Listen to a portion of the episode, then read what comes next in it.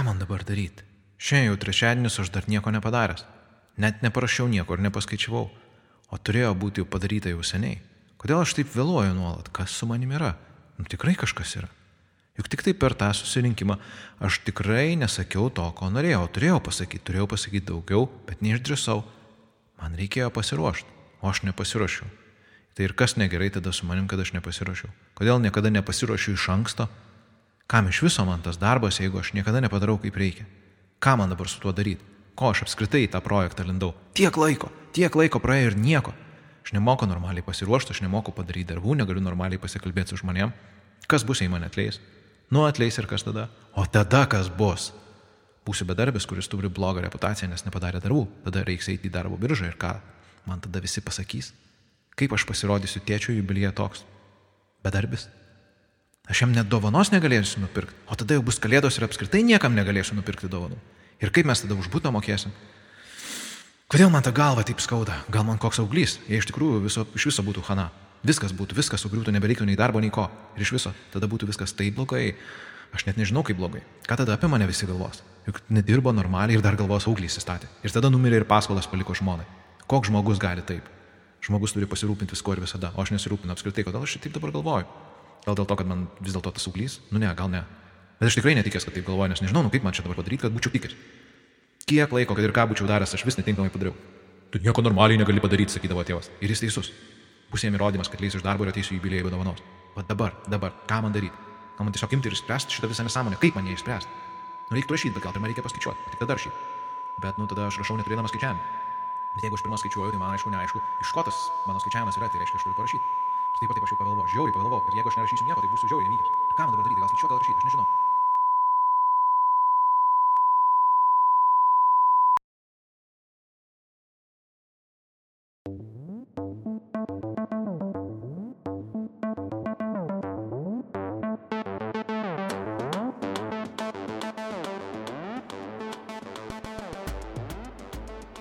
Sveiki, sveiki klausytojai. Čia yra Julius ir jisai kalba iš Tilviko lizdo.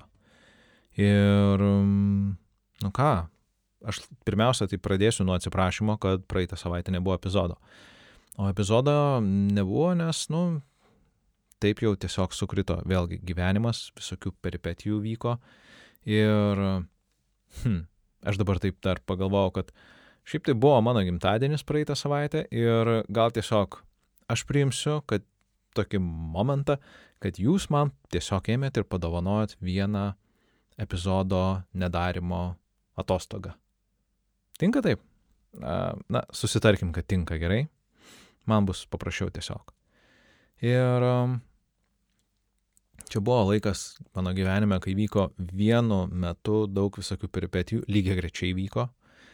Ir žinot, kai vyksta lygiai greičiai daug dalykų ir pakankamai svarbių gyvenime dalykų, tai jie kiekvienas tampa tarsi gyja galvojimo ir ta kiekviena gyja persipina ir susipina į tokią vieną tvirtą tokią kasą, ar, ar kaip į tokį plieninį trosą. Ir va tuo storu nerimo trosu, tuo lynu traukia žemyn mus. Ir taip žiauriai traukia žemyn, kad, nu, tiesiog baisu. Ir vėlgi, jeigu mes apie tą kiek, kiekvienus tos skirtingus dalykus galvojam lygiai grečiai, tai taip pat kaip ir tam pavyzdį paske, paskestame savo minčių pelkėje ir tos mintys mus atakuoja iš visur ir um, tarsi iš oro tiesiog sėdi kažką darai ir pau, ateina viena, kita, antra, o gal dar to nepadarėjo, gal šitas nepadaryta, dar šitą reikia pačekinti ir ir tada įsijungia visokie dar, kad ir nuovargis yra, ir, ir žodžiu, ir vienu metu viskas, nežinau, taip tarsi iš tikrųjų mm, jausmas tarsi skestum ir pro visus tavo o, kūno, nežinau, per odą netgi persisunkia viskas, kas tik tai gali tave trikdyti žmogau. Tai va tai yra jausmas iš tikrųjų, kada mes tiesiog visgi sėdim ir galvojam apie problemas lygiai grečiai vienu metu. Ir um, šitos temos pavadinimas yra analitinis paralyžius. Analitinis paralyžius, jo, teisingai aš sakau. galvojau, šiaip tai anglų kalboje yra toks geras pasakymas analysis paralysis ir norėjosi man užvadinti analizės paralyžius, bet para, paralyžius dėja kirčiuojasi kitaip lietuvių kalboje ir manau, kad analitinis paralyžius tinkamas pavadinimas. Tai, žodžiu, daugybė tų smulkmenų, tų tokių smulkių minčelių, mintelių jos pinasi tarpusavyje, maišosi ir palieka daug labai neišspręstų klausimų.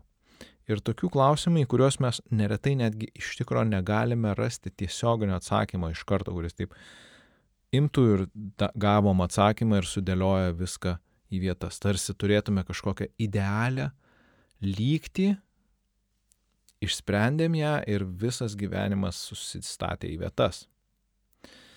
Ir na, tarkime, mano, mano gyvenime vykstant tom visom peripetijom, smagiausia, kabutėse smagiausia, nes iš tikrųjų tai visai nėra nei smagu, nei faina, kad bent jau man išsijungia kūrybingumas ir tuo met mintys šokinėja ir mėtosi, jos nežino, ką daryti, neina susikoncentruoti normaliai ir lieka tik tai toks minimumas išgyvenimui, kad galima imti ir daryti tik tai tai, kas yra svarbiausia, tai yra maksimaliai gerai dirbti savo darbą ir viskas. Ir visa kita atkrenta. O kadangi podkastas vis dėlto tai nėra mm, darbinis projektas, tai yra labiau toksai, na, saviveiklos hobio ir, ir, ir tokio edukacijos mišinys, mm, tai jo, jisai nuėjo truputėlį į šoną. Tai va čia toks skamba gal kaip pasiteisinimas, bet, nu, ką, nu, taip jau yra.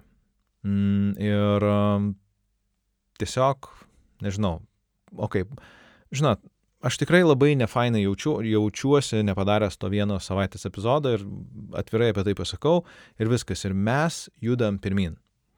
Gerai, Juliau? Taip, Juliau, gerai, judam. Ir, na, analitinis paralyžius ar para, paralyžius, mm, paralyžius, jau man lenda tas paralysis, Analitinis paralyžius mus apiplėšia visiškai iš to, kas vyksta, nes ke kenčia iš esmės daugybė dalykų tarpusavėje susijusių. Tai yra savijautai, santykiai, sveikata, darbas, poilsis. E, ir norisi sakyti mm, viskas, nors aš esu e, prieš tą žodžio sak, viskas sakymą, bet šiuo atveju iš tikrųjų mm, labai labai, nu, faktiškai visi aspektai gyvenime nukenčia, kada mes įsisukam į tą analitinį paralyžių. Ir iš esmės tai yra tiesiog mūsų neproduktyvus galvojimas apie dalykus, kurie vyksta.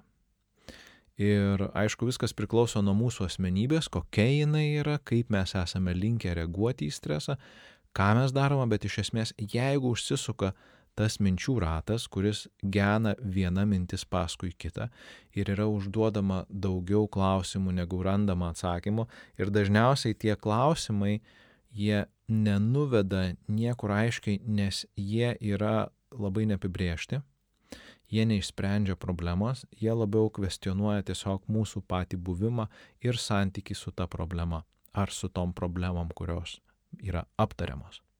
Ir čia aš norėčiau aptarti tą analitinį paralyžių iš keleto aspektų.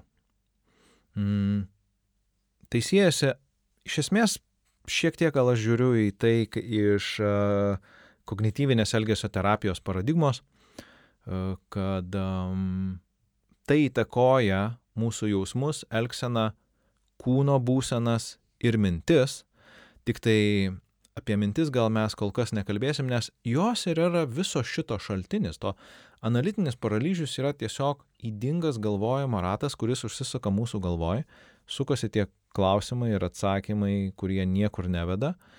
Ir tada tai sukelia atitinkamas mūsų organizmo ir e, emocinės reakcijas. Taigi apie jausmus, kai analitinis paralyžius įsisiautėja pirmas didžiausias, stipriausias jausmas yra nerimas. Nes jisai yra reakcija į neapibrieštumą ir nežinomybę. O kadangi mes neturime atsakymų, mes nežinome, kas kaip bus, mes nežinome, ko tikėtis, tai kiekviena mintis sukėlusi dar daugiau klausimų ir dar daugiau neapibrieštumo, e, sukuria dar daugiau nerimo. Ir tokiu būdu mes gyvename tame cikle, kuriame nerimas, jis pro, propaguoja pat save, jisai sukuria, sukuria daugiau vietos atsirasti tom negatyviom mintim ir įdingam mąstymui ir tam įdingam ciklui išsisukti ir jisai sukasi. Ir mes įsisukam į labai gražią žemyn einančią negatyvę spiralę. Tada kitas jausmas yra baimė. Baimė yra mūsų reakcija į grėsmę. Ir neveltui sakoma yra, kad baimės akis didelės. Ir va štai, kada vyksta tas negatyvus galvojimas, mes realiai uh, sunkiai lyginam tai, kas vyksta mūsų galvoje, su realybė, su, su, su tuo, kas realiai iš tikro mūsų gyvenime vyksta, arba galėtų vykti, jeigu tie dalykai nutiktų. Ir net ir mūsų reakcija, jeigu mes laikome, kad yra adekvati, tai dažniausiai mes nežinome, kaip iš tikro bus ir nežinome, kaip mūsų psichika adaptuosis tom situacijom, su kuriuom mes susidursim. E, ir vėlgi, kalbant apie analitinį paralyžių, nėra nieko labai aiškiai apibriešto, nes dažniausiai ta situacija jinai yra neaiški. Tarkime, jeigu mes, vėlgi, kokios gali būti situacijos? Na, gali būti, tarkim, kažkokie tai medicininiai reikalai. Mes sergam sunkia lyga ir yra neaišku, kas bus toliau ir mums gali būti baisu, skausmingų ir procedūrų, ir tada pačios lygos eigos, ir, ir kaip bus, kokios yra reakcijos kitų žmonių, ir kas su jais vyksta, ir kas vyksta tada su mumis, ir, ir visa tai užsisuka, ir ne, iš esmės mes bijome, kad mums skaudės. Bet jeigu, bet iš esmės mes negalime suvesti, mes tiksliai nežinome, kas ir kaip bus. Ir būtent kadangi tos baimės akis yra didelės, tai tie dalykai, kurie anksčiau atrodė paprasti ir mes sakydam, ai tai čia menknekis, jie tampa baisiais tokiais didžiuliais monstrais nesutramdomais. Baimė tiek padidėja, kad atrodo kaip, na, anksčiau buvęs dalykas kaip mūsų dydžio, jis tampa kaip koksai devinaukštis, o mes sumažėjame iki vaisinės muselės dydžio. Dėl to tos mm, užduotys, kurios mūsų laukia, arba grėsmės, kurios mums atrodo, kurių mes bijome, jos pasidaro dar didesnės ir gerokai baisesnės, nes mes vis klausiam savęs ir ieškom atsakymų į klausimus, į kuriuos mes neturim atsakymų. Tada atsiranda bejėgiškumas. Ką gali padaryti vaisinė muselė prieš devinaukštį? Nelabai ką. Gali nuskrist, bet kadangi jinai yra devinaukštis yra didelis, tai tiek reikia skrist museliai, kad jeigu jisai ją bando pasivyti, tas devinaukštis, tai nežinau, nu, neįmanoma. Todėl tas bejėgiškumo jausmas, kada jis apima, o jisai ateina kartu su tuo visų ciklu, jisai dar labiau sukelia ir baimę, ir nerimą, ir mes suprantam, na, neįsisamoninam iki galo, bet taip mums atrodo, kad mes esam bejėgiai daryti bet ką. Ir čia yra paradoksalu, kad žmonės, kurie šiaip iš esmės normaliom sąlygom jie veikia puikiai, jie funkcionuoja gerai, jie patenka į tokius neapibrieštumus, jiems prasideda tas permastymas ir peranalizavimas ir jie pasimeta, jie sustingsta, jie nežino, ką daryti. Tarkime, yra neretai būna tokie atvejai, uh, tarkim, aukšto lygio vadovai, mm, ateina į naują kompaniją ir lyg tai jie puikiai galėtų susitvarkyti su tuo darbu, jie galėtų susitvarkyti su komanda, bet vyksta kažkas, kas juos visiškai išmuša iš vėžių ir jie pasimeta ir jie, jie nebefunkcionuoja taip, kaip funkcionavo anksčiau. Ir jaučiasi bejėgiai kažką pakeisti, nors realiai gal ir galėtų. Arba lygiai taip pat žmogus, apie, kur, nu, tarkim, aš kalbėjau, jeigu, jeigu žmogaus laukia kažkoks tai medicininis uh, didelis klausimas, na, jisai serga kokią nors lygą ir jam reikia padaryti dalykus, jisai jaučiasi bejėgis, nes atrodo jam, kad, na, tai, ką jis padarys, nieko iš esmės nepakeičia. Nieko, niekas nei pagerės, nei, nei kažką, nes, na, kadangi mes nežinom, kaip bus, tai klausimas, ar apskritai reikia daryti, o jeigu klausimas, ar reikia daryti, tai gal geriau nedaryti. Ir dar baisu padaryti kažką, kas dar labiau pablogins situaciją, nes jinai yra, yra ir taip bloga.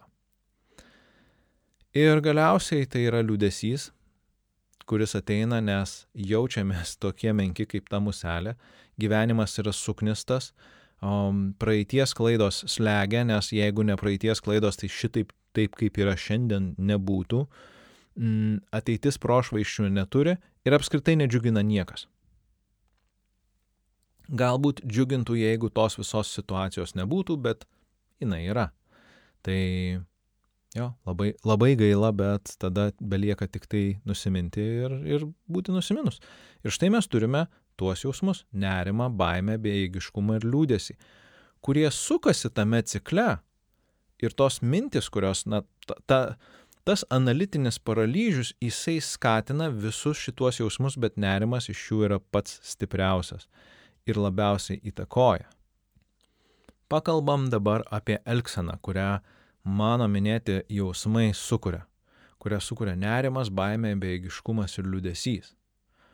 Ir skirtingus žmonės tai skirtingai veikia, todėl reikia svarbu suprasti, kad kas čia tinka vieniems, gali netikti kitiems, bet iš esmės svarbus galbūt prieimas prie tos problemos iš tos pusės, kad daug klausimų mes sprendžiame pagal mūsų emocinės reakcijas į tą klausimą.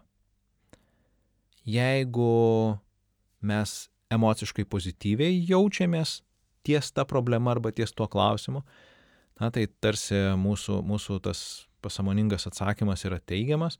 Jeigu kažkaip nemaloniai su tuo jaučiamės, na tai mes vengiam tos problemos ar, ar atrodo, kad atsakymą, kurio savo ieškome, jis yra na, netinkamas, reikia kažkokio kito ieškoti arba tai, ką mes nusprendėme, yra negerai. Ir iš esmės, čia aišku, reikėtų tiesiog įjungti šaltą logiką ir atsakyti savo į tuos užduodamus klausimus.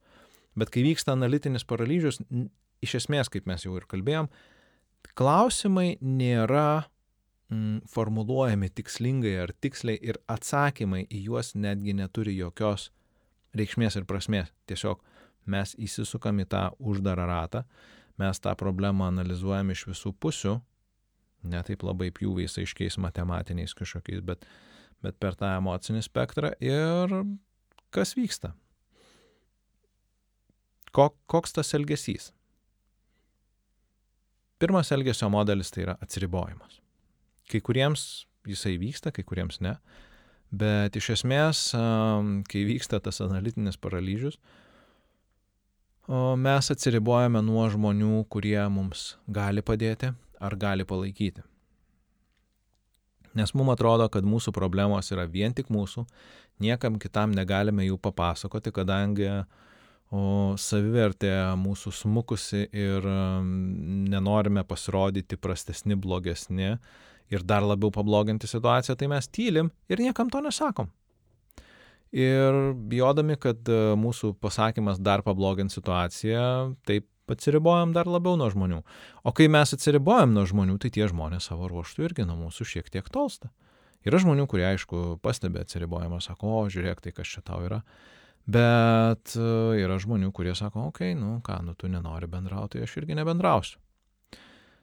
Ir tada yra diametraliai opoziciškas elgsenos modelis, tai yra perdėtas prisirišimas. Kad e, žmonės, kurie jaučia analitinį paralyžių, jie prisiklyjuoja prie žmonių, iš kurių tikisi pagalbos ir savo problemų sprendimo arba emocinio palaikymo. Ir iš esmės, aišku, tas prisiklyjavimas jis yra todėl, kad jiem atrodo, kad tik tai kiti žmonės gali kažką padėti išspręsti ir padaryti. Na tai toks savotiškas vaikiškas prieimas, kad aha, nu jeigu, jeigu aš turiu problemą, tai kažkas padarys kažką ir tada ta problema išsispręs. Taip, kartais reikia kitų žmonių pagalbos norint spręsti problemas. Ir tai yra normalu. Nes mes negalime visų problemų patys savarankiškai imti ir išspręsti. visiškai savarankiškai be kitų žmonių įsikišimo, nes nu, mes esame priklausomi nuo kitų žmonių, tiesiogiai, netiesiogiai, mes neturime galios ar, sakykime, resursų netgi ir gebėjimų spręsti visas problemas, tai tą kontekstą aš noriu išimti, bet čia yra daugiau toks prisiklijavimas ir, ir, ir buvimas su savo nerimu prie žmonių, kurie padeda ir palaiko. Ir tai sukuria dar prastesnę situaciją, nes mes labiau prisiklijuodami prie žmonių mes labiau prarandame atsakomybę už savo jausmus ir už savo veiksmus ir ta savivertė krenta, nes mums atrodo, kad mes savarankiškai nieko negalim padaryti. Viskas. Tik tai kiti žmonės yra, na, kaip kokie tėvai, jie gali daryti dalykus, o mes tų dalykų daryti negalime. Kitas momentas tai yra atkryčiai. Ir kad ir kas tai bebūtų. Gali būti psichologinės problemos įvairios, kurios grįžta, priklausomybės grįžta irgi. Ir, na, beje, priklausomybė tai yra psichologinė problema, jeigu jau taip kalbam. Tai žodžiu, kada įsisuka tas analitinis paralyžius ir mes pasimetam ir esame pasimetę ilgą laiką, ilgesnį laiką, mm, bandome kažkaip tai kompensuotis ir įsijungia, na visi tie kompensaciniai mechanizmai primityvūs, kuriais mes anksčiau funkcionavom, na tarkime, ta pati priklausomybė. Neretai žmonėm, kurie eina per išgyvenimus įvairius, jie tarsi susitvarko su savo priklausomybėm ir tada, kada tuose išgyvenimuose jie būna, pam, žiūrėk, vėl, vėl, vėl žmogus pradeda išgerinėti, ar jisai pradeda mm, įsitraukia į kokį nors uh, veiklą, kuri jam netinkama yra, ar jisai kitas kokias medžiagas pradeda vartoti. Žodžiu, krenta žmogus į tą duobę, jisai praranda tą kontrolę, jam spazmuojasi viskas. Čia kaip kokiai aukštai įtampai tekant per organizmą, spazmai, tos visos sistemos, kurios normaliai funkcionuoti turėjo ir tvarkingai veikti, jos išsijungia ir prasideda visiškas regresas ir įsijungia va tos primityvės gynybos ir, ir tie įvykos mechanizmai, kurie buvo anksčiau. Mm, tai va dėl to yra atkryčiai, nes jo, kalbant apie atkryčius. Um, atkryčiai yra tada, kada jau yra problema kažkokia išspręsta. Nes jeigu nėra problema išspręsta, tai tiesiog ta problema, na, ima ir paaštrėja. Kitas dalykas yra sumažėjęs darbingumas. Darbui padaryti reikia mūsų valios, mūsų pastangų, emocinių ar protinių, ar fizinių pastangų, susikaupimo, rutinos. Žodžiu, visa tai turi stovėti savo vietose tam, kad mes savo darbą galėtume daryti gerai. Na, kitaip galim pasakyti, kad mums iš esmės tai reikia energijos. Ir įsivaizduokim, kad tas analitinis paralyžius įsisuka kaip koks viesulas ar, ar, ar uraganas, žodžiu, su tuo sūkuriu savo sukasi ir siurbia tą visą energiją lauk iš mūsų. Ir mes galime laikytis įsikibę tik tai to, ką mums palieka tuos likučius nuo to analitinio paralyžiaus su visais jo pričindalais, mes juos ir sunaudojam patiems svarbiausiam dalykam. Ir tada kaip mes jos galime turėti pakankamai? Aišku, kad niekaip. Ir jeigu mes atiduodam ten, kur yra svarbiausia, jeigu apskritai turime ką atiduoti, viskas. Ir kai tada trūksta energijos, prasideda nesirūpinimas savimi. Tai yra dar vienas analitinio paralyžiaus poveikis mums. Mums sutrinka sveikata, suprastėja miego hygiena, mes mažiau judam, mes nustojam medituoti, mes nustojam rašyti savo, nebeįdomu mums hobiai savo, socializacija, vengiam, žodžiu, visa tai, apie ką mes kalbėjom, visa tai įsijungia. Tai yra, bet tai sus, norėčiau tai suvesti į tokį nesirūpinimą savimi. Kas iš tikrųjų galėtų padėti būti lengviau su įvairiais sunkmenim, kurie ateina į mūsų gyvenimą, Vietoj to, kad mes um, tą energiją nukreiptume būtent geram, pozityviam kažkokiai darbui, o mes ją nukreipiam tuščiam analizavimui, klausimų, uždavinėjimui savo ir, ir tam besisukančiam uraganui neigiamam. Ir uh, tas tiesiog, tas mūsų, tos negatyvios mintis ir tie nemalonūs jausmai ir suglebęs kūnas ir yra tas didžiulis devynaukščio dydžio monstras, kuris kaip maišas koks guli ir ten yra krūvos tų neišspręstų klausimų. Ir galiausiai analitinis paralyžius veikia ir mūsų kūną. Pirmiausia, turbūt pajuntam tai per virškinimą, nes keičiasi apetitas ir kadangi yra poreikis organizmui angliavandenių ir na, gliukozės realiai kraujyje, nes vėlgi raumenis reikia maitinti, smegenis reikia maitinti, tai natūraliai mus traukia prie greitųjų angliavandenių, prie paprastųjų angliavandenių, dar kitaip vadinamų. Na, realiai tai yra prie šlamštmaiščio ir stumia nuo visko, kas turi skaidulų, mineralų, vitamino ir apskritai, ką, ką yra sveika valgyti. Ir dėl to kenčia mūsų žarnynas, mums skauda pilvą, nes ten tos bakterijos gerosios, kurios gali turėti, tai yra, kurias reikia pamaitinti visų, visų tuo tinkamu maistu, jos ten išmirinėja ir ten užsiveisia tos bakterijos, kurios maitinasi angliavandeniais ir tada, aišku, ten vyksta karas ir pff, yra blogai. Tada sutrinka miegas. Ir čia kaip kam. Vieniem neina užmigti, kitiem neina atsikelti, dar kitiem tiesiog mieguistumas eina per, per, per visą dieną. Bet realiai miego trūkumas ir miego sutrikimai dar labiau įsaka, įsuka tą žemyn besileidžiantį neigiamą tą, tą analitinio paralyžiaus, tą viesulą visą ir mes ten dar labiau energijos jam atiduodam. Ir dėl to mes kenčiam, nes neišsimiegom. Miegas yra nepaprastai svarbus. Nes miego metu mūsų smegenys pailsi, jos apsivalo ir pasišalina toksinai uh, iš jų. Mm, dar per miegą mes sprendžiame įvairias problemas sudėtingas. Tai yra mūsų, sme, mūsų pasąmonė bando viskai kaip ten sudėliot, kaip kas yra. Ir jeigu tas miegas yra nekokybiškas arba jo trūksta, tai automatiškai jo vargšės smegenys apkrautos jos dar labiau taip yra primušamos tų negatyvių minčių. Tada yra galvos skausmai ir, na, netiesiogiai galima pasakyti, kad nuolatinis galvojimas apie neišsprendžiamas problemas jau gali tokiu tapti galvos skausmu, perkeltinė prasme, bet gali tapti realiai ir, ir tikrų jaučiamų galvos skausmu. Nes vėlgi visa tai, visa tai susideda į vieną krūvą, o smegenys yra mūsų vienas pagrindinių energijos naudotojų kūne. Ir jeigu joms reikia degunies, joms reikia maisto, joms reikia, reiškia, joms, joms reikia apsirūpinti tinkamomis, tink, tinkamomis medžiagomis, tam, kad galėtų tinkamai funkcionuoti ir jeigu mes neduodam savo organizmui tinkamų maisto medžiagų, tai automatiškai nukenčia ir mūsų smegenis. Ir, na, tai trukdo tada normaliai jų veiklai. Ir galvos skausmas ir parodo, kad, hei, žiūrėk, man kažko čia trūksta, man nelabai gerai. Tai va tos vargšės smegenys ir kenčia tokiu būdu. Tada kinta svoris.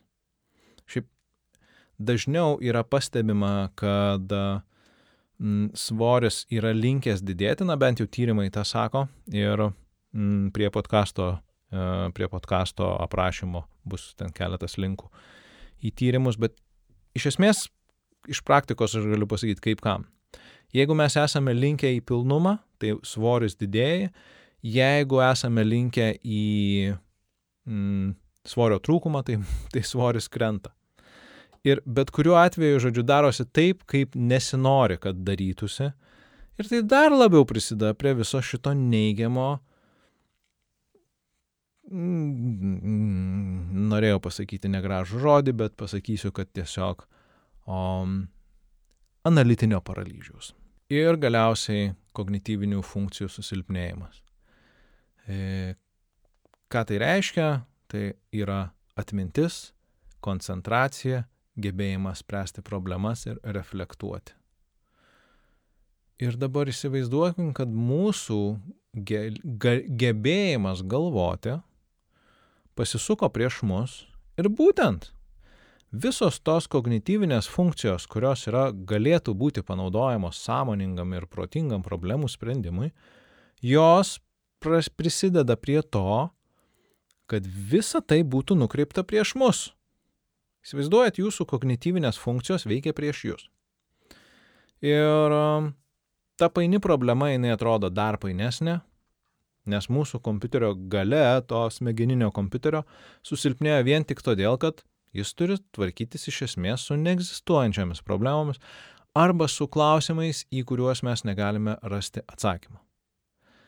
Ir, na, iš tikrųjų gali atrodyti, kad čia visko labai daug ir viskas yra labai baisu ir, Ir kaip tam visam vat, analitiniam paralyžiui, tam cikle, tokiam uždaram, nesibaigiančiam klausimų ir atsakymų ir vėl klausimų, žinot, ką aš padarysiu? Aš padarysiu štai ką. Aš jums pagrosiu dainelę. Ir kad ne viskas būtų taip blogai ir liūdna ir tamsu. Ir tai bus reklama. O ką aš reklamuosiu? Šiandien aš reklamuosiu podkasto remimą. Ne, nereklamuosiu dar kol kas nieko kito. Geri žmonės ir klausytojai remia podcastą per tilvikas.lt įstrižas brūkšnys lizdas, paspaudžia nuorodą prisidėk ir paremk. Ir ten pasirenka būdą, kaip jiems tinka tai padaryti. Ir jeigu tie gerieji žmonės negali prisidėti pinigais dėl kažkokios tai priežasties, nežinau, religinės gal, gal jie yra labai labai vargšai, tai tada jie gali kitaip padaryti jie gali prisidėti pasakydami kitiems žmonėm, kad štai yra toks podkastas ir kad jisai gali jiem būti vertingas. Ir viskas. Ir tada, ką, grojam dainelę ir einam aiškintis, ką daryti su tuo analitiniu paralyžium. Taigi, ką daryti? Aš sakyčiau, kad reikia sustoti analizuoti. Sustoti toje vietoje, kurioje esi ir viskas. Ir šiandien tavo analizė baigėsi. Uuu, dabar aš tave užbursiu per šitą mikrofoną. Mano balsas eis per laidą į pultą, o tada pavirtęs skaitmeniniu balsu keliausi į interneto debesį. Iš to debesies per tavo įrenginį jis pavirs elektromagnetiniu virpesiu, kuris savo ruoštų judins orą ir per orą tavo ausies būgneliai priimdami tos virpesius priims ir mano balsą.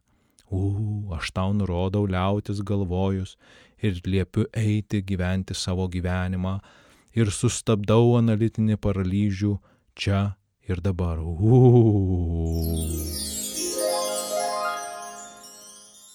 Kad viskas būtų taip paprasta. O jeigu rimtai, kalbant rimtai, tai taip ir yra. Kaip ir su kiekvienu įdingu ratu, kuris jisai besisuktų, ar jūsų galvoj, ar jūsų įmonėje, ar jūsų šeimoje, ar nežinau, bet kur. Reikia tiesiog imti ir sustoti bet kurioje vietoje, kurioje yra kirsti tą ratą, kaip kokią, nežinau, nuodingą gyvatę, kuri puola ir mes šalin ir viskas.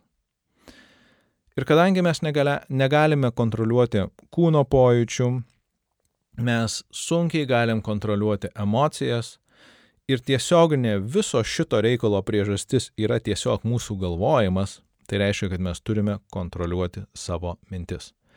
Ir kada tik pradedam įsisukti į problemos sprendimo klausimą, tą analitinį paralyžių, kada pradedam jausti, kad niek, niekur mes nenueinam, niekur neatsidurėm normalioj vietoj, turime iš karto sustoti. Kaip daryti? Iš karto savo mintyse. Tiesiog garsiai savo pasakyti. Stok, stop, užteks, pakanka. Ar dar kažkokį kitą žodį, kuris iš tikrųjų aiškiai mums pasakytų. Tiesiog sustoti. Toje vietoje griežtai, aiškiai, labai konkrečiai. Jeigu tai nepadeda, mes galime naudoti gumytės techniką. Tai yra užsidėti, užsimauti ant riešo gumytę ir kiekvieną kartą pradedant galvoti tiesiog paimti ir spraktelėti savo gumytę per riešą. Pavyzdžiui, taip. Au. Iš tikrųjų, e, nelabai malonus jausmas, nes jeigu, jeigu tokia mm, gumytė gerai apgula ir gerai tempėsi ir po to spriegia, tai jaučiasi toksai fizinis tiesiog bakstelėjimas, kad jie žiūrėk, grįžk į realybę, čia ir dabar. Ir tas jausmas, na, tas, tas, bandy, tas fizinis toksai poveikis, jisai sugražina ir čia ir dabar. Ir mes galime tiesiog imti ir kažką tai pradėti daryti. Ir iš tikrųjų reikia nustoti analizuoti ir pradėti veikti. Jeigu galima pagerinti tą situaciją kažkaip, tai reikia ją pradėti gerinti. Ir gali būti bet koks darbas, nesvarbu. Jisai gali būti nebūtinai ten pailiui, kaip teoriškai turėtų būti geriausia. Tai tiesiog imti ir kažką padaryti su tuo problemos sprendimu. Ar atsakyti laišką, ar padaryti skambutį, ar nudirbti kažkokį darbą, ar sumokėti mokestį, ar aplankyti žmogų, ar, nežinau, susitikti su kažkuo, kažką nuvežti. Žodžiu, viską, bet ką, bet ką, ką tik tai galima. Ir tada, kai mes padarome dažniausiai vieną darbą, mes persijungiam nuo to galvojimo prie darimo ir tada darimas jau sukasi.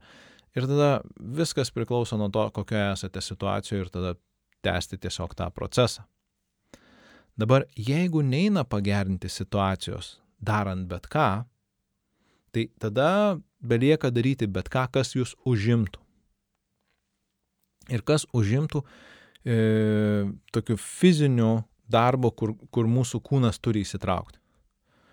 Na, pavyzdžiui, galima, nežinau, tvarkyti namus, perrinkti drabužius, siuvinėti, pakeisti perdegusias lemputes, kapoti malkas, eiti pažvėjoti, išsilyginti drabužius, mm, nežinau, dar kažką, tai, žodžiu, vis apsižiūrėkit aplinkui, pilna yra dalykų, kuriuos galima imti ir daryti ir gerinti aplink save aplinką. Tik tai yra svarbu, kad tai pageidautina, tai būtų įtraukianti. Mm, aš turiu omeny įtraukianti tai, kad na, fiziškai aktyvi veikla, kad mes turėtume kažką daryti su savo rankom ir su kūnu. Ir kad uh, užimtų nors truputėlį mūsų smegenis tuo, ką mes darome. Taip pat padeda sportas. Ir ypač jeigu tame sporte yra žaidimo elementai ir mažiau monotonijos, E, jeigu, pavyzdžiui, tai yra komandinis toksai sportas, tarkim, futbolas, krepšinis, tenisas, ledo rytulys, koks badmintonas ar kerlingas, visa tai yra ok. Individualus sportas, ypač kokie ištvermės sportai, gali ir toliau kurti tas sąlygas tam tolimesniam analizavimui. Nu, nežinau, pavyzdžiui, bėgi vat valandą ir savo galvoji, toliau ten paralyžiuoji save analizuodamas. Ir aš todėl, jeigu tai vyksta, nes šiaip tai aš esu už tai, kad jeigu, pavyzdžiui, dėl bėgimo, ne, bėgimas yra toks mano šiek tiek dabar gal atle, ap, apleistas, bet iš esmės mano, mano mėgstamas toksai sportas. Ir aš esu už tai, kad bėgti nebūtinai su ausinėmis, nes tuo metu galima iš tikrųjų pajausti gamtą, pajausti, kas aplinkui yra, tą ap, aplinkoj toj būti ir nebūtinai reikia nuolat kažką tau jausis ten pumpuoti. Bet šiuo atveju aš manau, kad yra geriau kokia nors audio knyga, muzika ar netgi kažkoks, vat, kad ir šitas podkastas, jisai gali padėti atsiriboti nuo to galvojimo nuolatinio, nuo to analitinio paralyžavimo savęs. Tada yra, čia yra būdai, kaip, na, aktyvinti mūsų elgesį ir, ir, ir išmokti kažkaip na, spręsti tas problemas, daryti kažką. Bet galima ir atvirkščiai. Galima relaksuotis. Čia būtent mes kalbam apie meditaciją, jogą, apie specifinius kvepavimo pratimus, nueiti į spa, pasimti masažą. Ir visa tai yra gerai, nes tai atpalaiduoja ir nuramina. Ir kada mes esame atsipalaidavę ir nusiraminę, mes tada paprasčiau žiūrime į dalykus ir mums yra lengviau juos spręsti. Taigi pasirinkite, kas jums tinkama ir pasimėgaukite ir pažiūrėkite į pasaulį kitom akim. Tada padeda socializacija, susitikti su draugais, pabūti tarp žmonių, kurie mums rūpi ir kuriem rūpite jūs. Ir tiesiog jūs susitinkat ne tam, kad spręstumėte tą problemą ir apie ją pakalbėtumėte ir vėl pakalbėtumėte ir toliau galėtumėte eiti ir analizuoti save ir paralyžiuoti. Ne, jūs susitinkat tam, kad tiesiog turėtumėt gerą laiką, jūs pabūtumėt kartu, pasidžiaugti vienas kitu, pa, pasidalint fainais dalykais kažkokiais, prisimint galbūt kažką. Žodžiu, tiesiog turėti gerą laiką. juokas ir humoras padeda taip pat. Ir um, čia aišku susisieja su socializacija, susitikus su draugais, mes ten kartais galim pasijuokti, fainai praleisti, bet, nu jo, kad išmuštų nesąmonės iš galvos, galima tiesiog gerą stand-upą paklausyti. Pasijuoki ir geriau gyvenimas atrodo, žymiai geriau. Um, na, taip pat gali padėti pagalba kitiems. Čia taip banaliai gal nuskambės, nori padėti savo, tada padėti kitiem ir padėdamas kitiem padėti ir savo. Todėl savanorystė padeda pažvelgti į dalykus kitaip. Mes savo suvokiam kitaip. Ir yra įrodyta tyrimais, kad žmonės, kurie padeda kitiems, jie save kitaip vertina, geriau vertina, jie netiek stresuoja, žodžiu, viskas jų gyvenime yra paprasčiau. Ir mes patys tada pasijuntam vertingesniu ir daudingesniu žmogum ir automatiškai pakyla savivertė ir tada galbūt tas analitinis paralyžius nebe taip apima. Ir aišku, neretai, kai kalbam apie savanorystę, tai joje susijungia o ir kiti elementai, tai susijungia ir socializavimas, socializacija ir judėjimas, ir prasmingas darbas, ir kartais galbūt tiesiog tose aplinkose yra žmonės, kur, na, tiesiog gera kartu pasijuokti iš dalykų ir, ir, ir tiesiog būti kartu. Na ir aišku, kartu darant kažką dėl kitų žmonių. Na ir galiausiai suprasti, kad visada dar yra išeičių. Visada bus bent dar viena išeitis. Yra sakoma, kad kai Dievas uždaro duris, jis atidaro langą. Ir aš manau, kad tai nėra tiesa. Dažniausiai Dievas yra atidaręs daug durų Vienu metu yra daug durų. Mes tiesiog nepratę per jas vaikščioti, iki jų nėra praminti takeliai taip, kaip mums reikia. Į kai kurias nepatogu eiti, nes gal reikia pralysti, gal reikia lenktis ar pasisukti kažkaip. Kitos, kad atsidarytų, jas reikia truktelėti arba pastumti, o mes taip nebuvome įpratę. Taigi, jeigu užsiciklinote analitinėme paralyžiuje, gal tiesiog eikite, klibinkite tas duris ir aš tikiu, kad rasite ne vienas ir ne dviejas gal ir gal netgi tos duris, kurias rasite, bus geresnės. Ir aš su jumis atsisveikinu. Čia buvo Julius ir Tilviko lizdas. Kuo geriausio buvimo jums. Ate.